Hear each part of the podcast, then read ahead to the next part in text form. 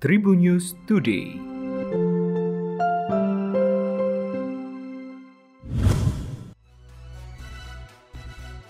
Halo Tribuners, kembali lagi bersama saya Delta Gonzales. Kita awali Tribun News Today dari kabar nasional.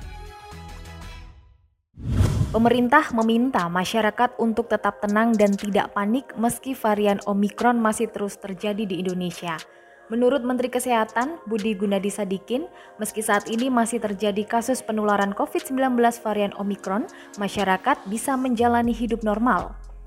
Syaratnya tetap menjaga protokol kesehatan dan mendapat vaksinasi.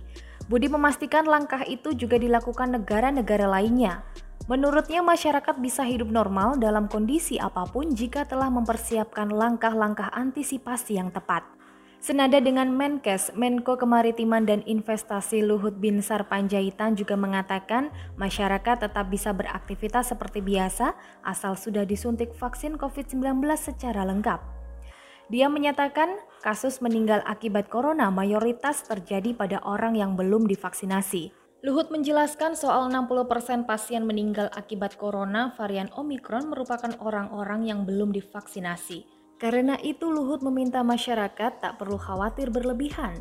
Dia mengatakan orang-orang yang sudah divaksinasi COVID-19 secara lengkap dan tidak punya penyakit bawaan tetap bisa jalan-jalan. Untuk kabar regional, Tribuners, Majelis Hakim Pengadilan Negeri Bandung menjatuhkan vonis penjara seumur hidup terhadap Heri Wirawan pada Selasa 15 Februari.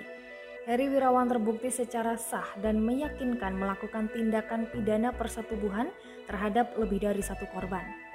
Vonis ini lebih rendah dari tuntutan jaksa penuntut umum Kejaksaan Tinggi Jabar yang menuntut Heri dengan hukuman mati serta kebiri kimia.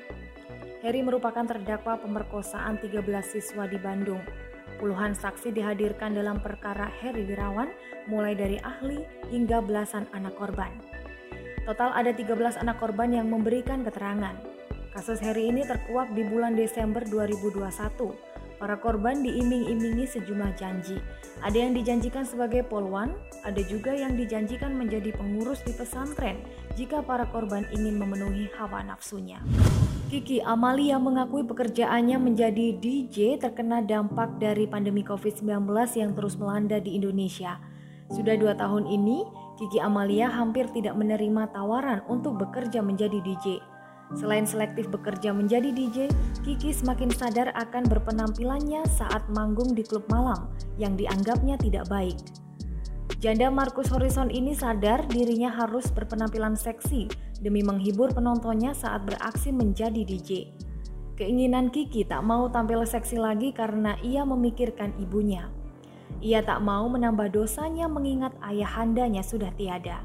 Tak hanya itu saja, Kiki juga harus menjaga ibunya terhindar dari virus COVID-19 jika ia tetap bekerja di tempat hiburan malam yang ramai orang. Bahkan Kiki Amalia mengaku terakhir menerima pekerjaan menjadi DJ di malam pergantian tahun dan bukan sebuah acara yang besar. Rancangan Undang-Undang atau RUU tentang keolahragaan resmi disahkan dalam rapat paripurna DPR Selasa 15 Februari. Salah satu poin penting dalam bilit ini adalah peluang supporter untuk menjadi bagian dari pemilik klub olahraga. Ketua Komisi 10 DPR RI Syaiful Huda menjelaskan selama ini supporter klub olahraga hanya dijadikan sebagai tim hore.